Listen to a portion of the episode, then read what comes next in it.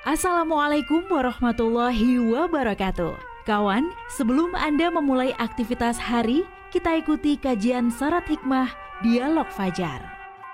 Assalamualaikum warahmatullahi wabarakatuh. Alhamdulillah kawan. Pagi hari ini saya Fitriana Ayu Kembali di program Dialog Fajar. Tentu tidak sendiri di studio Sudah hadir Ustadz Abdurrahim Hasan Dari pesantren Al-Quran Nurul Falah Surabaya. Assalamualaikum Ustadz Rahim. Waalaikumsalam warahmatullahi wabarakatuh. Ya Allah. Sehat ya Ustadz? Alhamdulillah. Sehat walafiat. Alhamdulillah. Ini pagi hari ini kawan Pentingnya belajar ilmu agama. Seperti apa, kemudian dimulai dari mana? Monggo selengkapnya bersama Ustadz Abdurrahim Hasan. Ya, baik Mbak Ayu.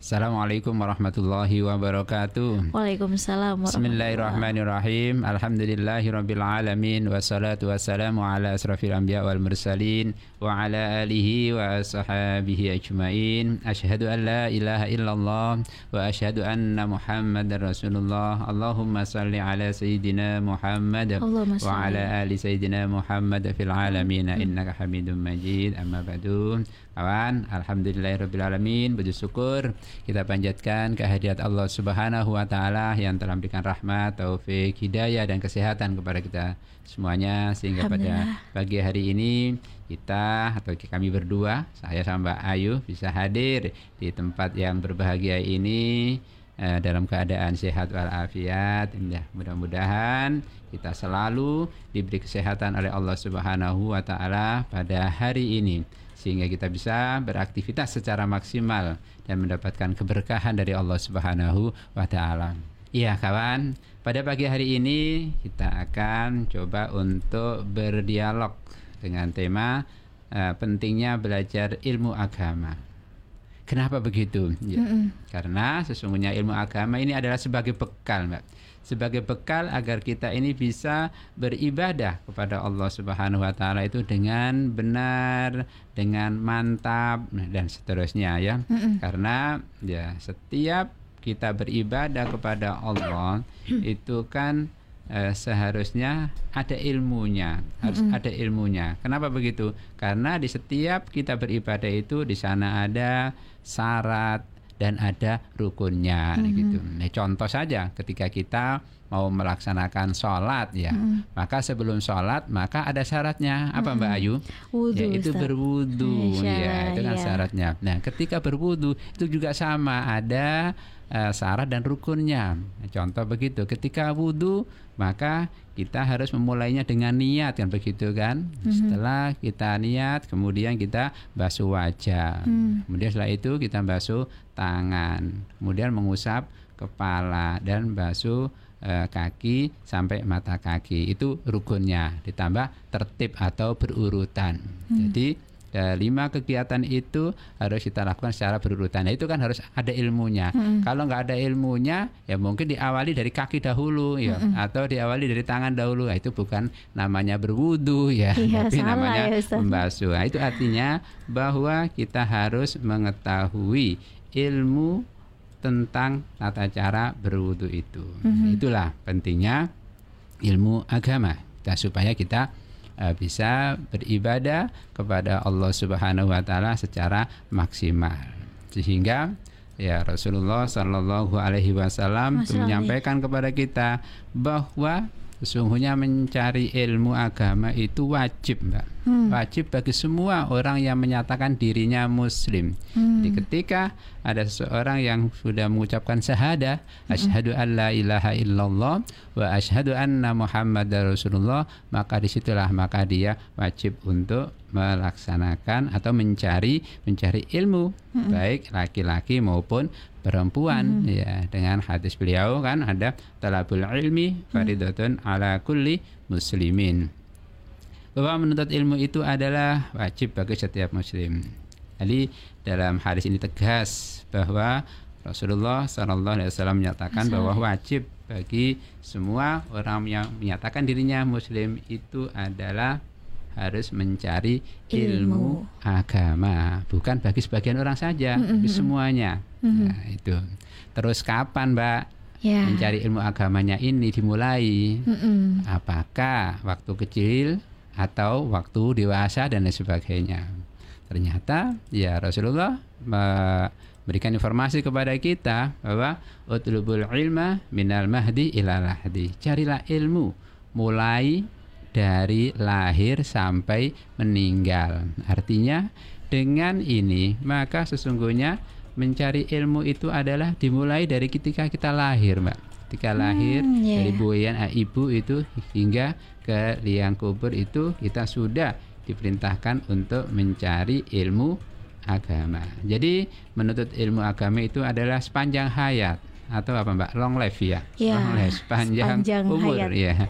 ya. Jadi sampai meninggal kita. Jadi bukan eh, mencari ilmu agama ketika kecil saja, hmm. ketika TK, ketika ya eh, KBTK mencari ilmu, ketika SD mencari ilmu, begitu SMP sibuk Ustadz. Sudah sibuk. sibuk les. sudah coba oh, untuk oh, iya. sedikit meninggalkan. Kemudian SMA tambah meninggalkan. Hmm. Perguruan tinggi tambah hilang ya iya. untuk mencari ilmu agamanya. Ya tidak seperti itu. Jadi yang dikatakan mencari ilmu itu semuanya mulai kita lahir sampai kita remaja, kita dewasa sampai kita manulang gitu. Artinya itu yang eh, hmm. Rasulullah SAW sampaikan kepada Sorry. kita yang mencari ilmu itu adalah sepanjang sepanjang hayat. Kami Mbak di hmm. Nurul Fala ini kan kayak kadang-kadang hmm. kita ini me eh, merekrut ya merekrut hmm. aktivis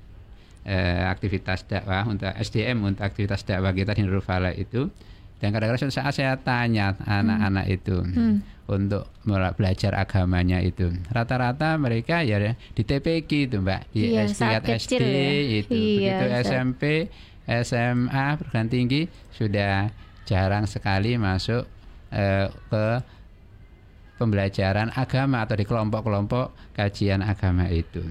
Nah, itu itu yang sesungguhnya yang harus eh, kita motivasi ya sebagai orang tua ya sebagai orang tua motivasi anak-anaknya atau para remaja itu untuk selalu mencari ilmu. Di samping itu juga orang tuanya juga sama ya hmm. itu ada kewajiban juga untuk me mencari ilmu tadi itu. Hmm. Artinya eh, mencari ilmu itu adalah mulai dari lahir sampai meninggal itu. Kemudian eh, kawan yang perlu menjadi perhatian lagi adalah kira-kira mencari ilmu itu apakah ada batasan hmm. rumah ke tempat itu. Wes gak jauh-jauh nang Surabaya wae atau eh, di tempat yang dekat rumah kita tidak hmm. ternyata Rasulullah juga menyampaikan kan bahwa mencari carilah ilmu itu sampai ke negara Cina, Cina kan begitu kan yeah. ilmah walau kalau bisin gitu tuntutlah ilmu itu hingga ke negeri Cina kalau saya coba baca-baca atau lihat-lihat literasi itu mbak mm -hmm. ternyata pada waktu itu mm -hmm. antara Mekah dengan Cina itu sekitar uh, 13.200 km Artinya begitu jauhnya itu Rasulullah uh, sudah menyampaikan kepada kita artinya bahwa sesungguhnya dengan itu Rasulullah memberikan motivasi kepada kita bahwa mm. mencari ilmu itu tidak dibatasi dengan tempat hmm. tidak dibatasi dengan ruang tapi di mana pun di sana ada tempat untuk mencari ilmu agama, agama maka datang datangkanlah gitu datanglah datanglah ke sana karena itu dan ada eh, pepatah mengatakan bahwa kalau eh, singa ya mbak mm -hmm. itu jika tidak keluar dari semak-semaknya maka tidak akan mendapatkan mangsa Mm-hmm. Jadi singa kalau diam saja yeah. dia tidak keluar maka tidak mendapatkan makanan kan mm-hmm. begitu. Mm-hmm. Begitu pula ketika anak panah itu tidak kita keluarkan dari kelongsongannya maka tidak akan bisa melesat busurnya itu. Mm. Nah, artinya apa? Bahwa kalau kita e, mencari ilmu dan bertempat tinggal di sekitar itu saja, hmm. maka kurang luas ilmunya. Maka harus boleh kita itu mencari ilmu sampai di mana pun tempat berada, bahkan paling jauh hmm. dari kolong dunia ini diperbolehkan itu. Sampai-sampai Rasulullah juga mengatakan Mbak bahwa uh, utlubul ilmah walau bainaka wa bainahu minan nar.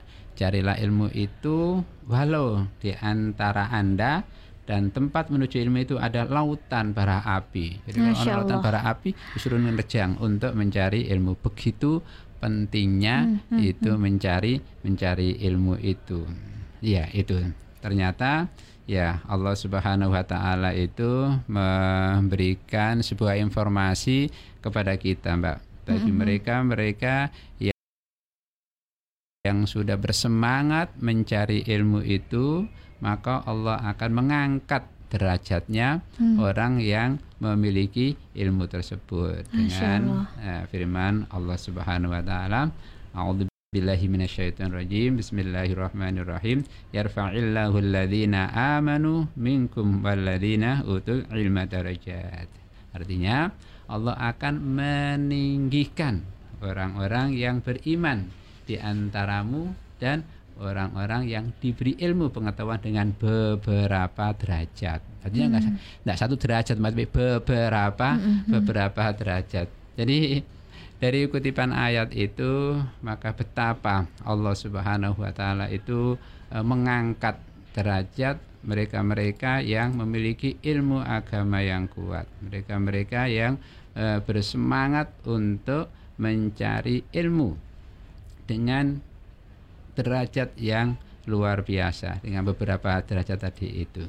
Jadi seseorang itu akan mulia, Mbak, itu hmm. tidak dilihat dari hartanya, tidak dilihat dari nasabnya, tapi ada juga yaitu dilihat dari il ilmunya. ilmunya. Nah, ya kita contohkan aja, ketika Nabi Adam, Nabi Adam itu diberi ilmu oleh Allah bisa menunjukkan nama-nama benda. Hmm. Ini matahari, itu bulan, hmm. itu bumi, itu uh, matahari, itu planet uh, itu planet dan iya, iya sebagainya. Iya, iya. Bisa ya begitu Allah memberikan kemuliaan. Apa kemuliaannya?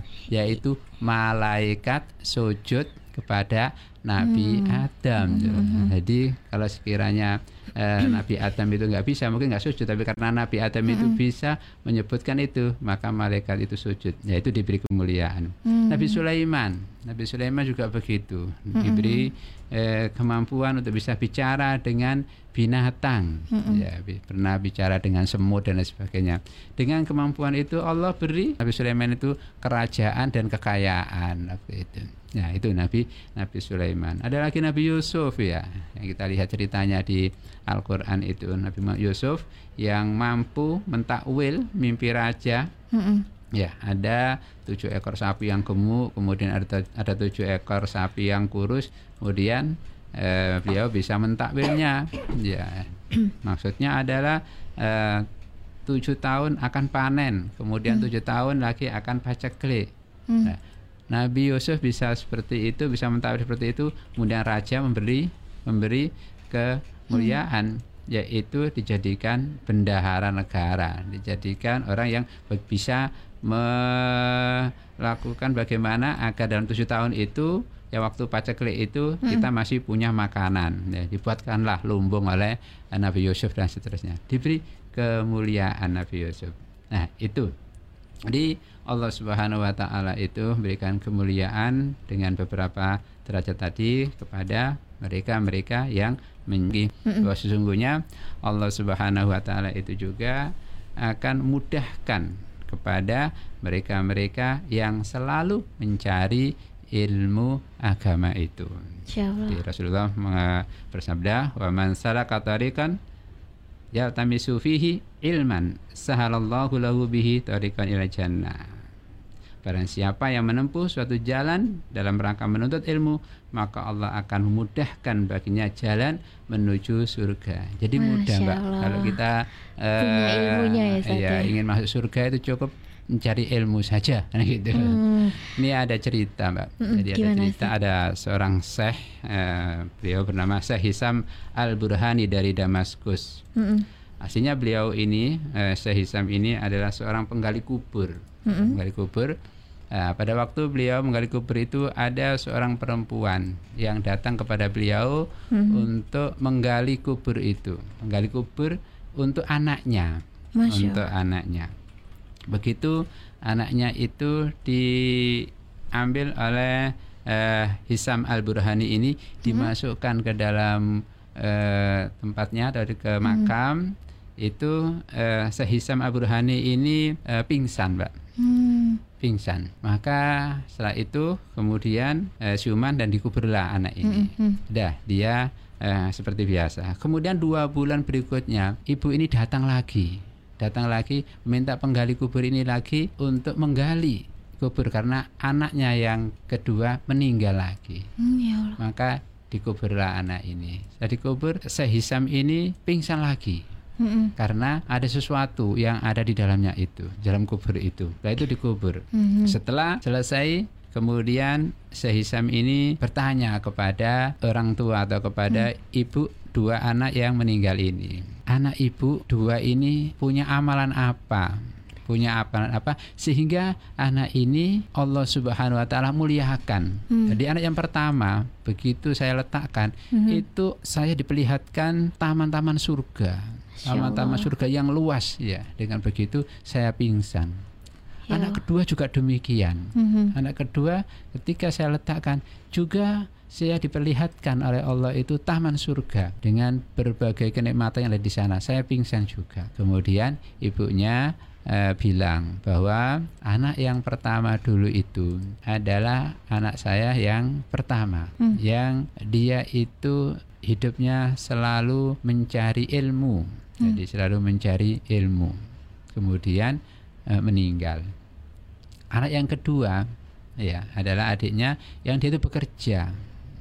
Bekerja dan dia setiap hasilnya itu diberikan ke kakaknya yang mencari ilmu itu. Nah, Hmm, kemudian keduanya Masya Allah. meninggal. Ya Jadi kemudian apa eh, kata Syekh? Oh, jadi itulah kemuliaan orang yang berilmu dan kemudian orang yang memuliakan orang yang berilmu. Setelah itu kemudian Syekh Hisam ini berguru ya sampai Syekh Hisam ini menjadi seorang yang alim, seorang ulama karena Hmm. mengetahui bahwa begitu Allah Pentingnya. Subhanahu wa taala memberikan kemuliaan kepada orang yang mencari ilmu tadi itu dan Mhm. begitu Allah mudahkan Mhm. jalan menuju menuju surga, itu. Insya Allah. Lalu Ustadz Rohim, apakah di era-era yang sekarang itu masih ada yang tidak tahu seberapa pentingnya menuntut ilmu agama? Iya, ketika waktu TK, waktu SD Mm-mm. itu bersemangat mencari ilmu agama. Begitu Mm-mm. kalau sudah SMP, SMA, perguruan tinggi, nah itu Insya banyak yang sudah melalaikannya. Dan Mm, terkadang juga mm. ada orang tua yang menghantarkan anaknya ke TPQ tapi dia "Wis, cukup kamu aja yang belajar, Mm, ibu nggak mm. usah belajar. Itu kan masih banyak kita Ah. menemukan seperti itu. Iya, iya. Artinya ya memang perlu seperti ini eh, Mhm. sebuah motivasi, sebuah informasi kepada eh, kaum muslimin bahwa sesungguhnya mencari ilmu itu tidak dibatasi, tidak Mhm. dibatasi waktu, tidak dibatasi usia, tidak, tapi mencari ilmu harus terus menerus seperti itu. Masya ya, Allah. itulah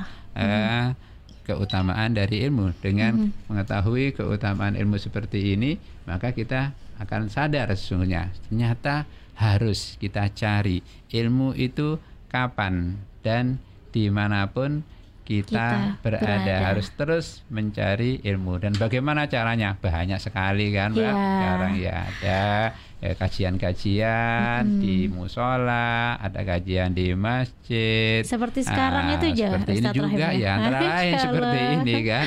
Ya, setiap pagi bersama Mbak Ayu mendengarkan dialog eh, Fajar seperti Fajar, ini Masya. ya mudah-mudahan ini adalah bagian dari penambahan amin, amin. ilmu kita penambahan ilmu agama kita yang dengan itu mudah-mudahan kita semakin eh, mendekatkan diri kepada Allah Subhanahu wa Wa ta'ala. Mbak Ayu dan kawan-kawan semuanya Mhm. kami pikir seperti itu yang bisa kami sampaikan ya. Terima kasih atas waktunya.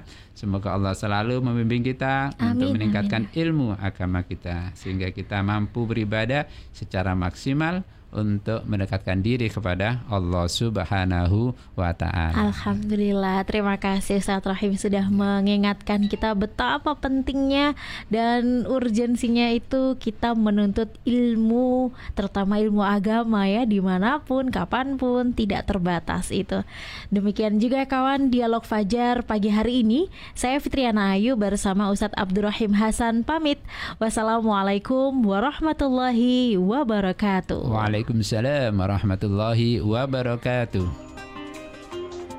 Program Dialog Fajar yang baru Anda simak. Kerjasama Suara Surabaya dan Pesantren Al-Quran Nurul Falah Surabaya, lembaga dakwah yang amanah, profesional, dan berbasis Al-Quran Pesantren Nurul Falah mencetak guru-guru Al-Quran dengan metode tilawati dan tafidz Al-Quran. Informasi dan pemberian donasi hubungi 031 828 1278 atau nurulfalah.org. Wassalamualaikum warahmatullahi wabarakatuh.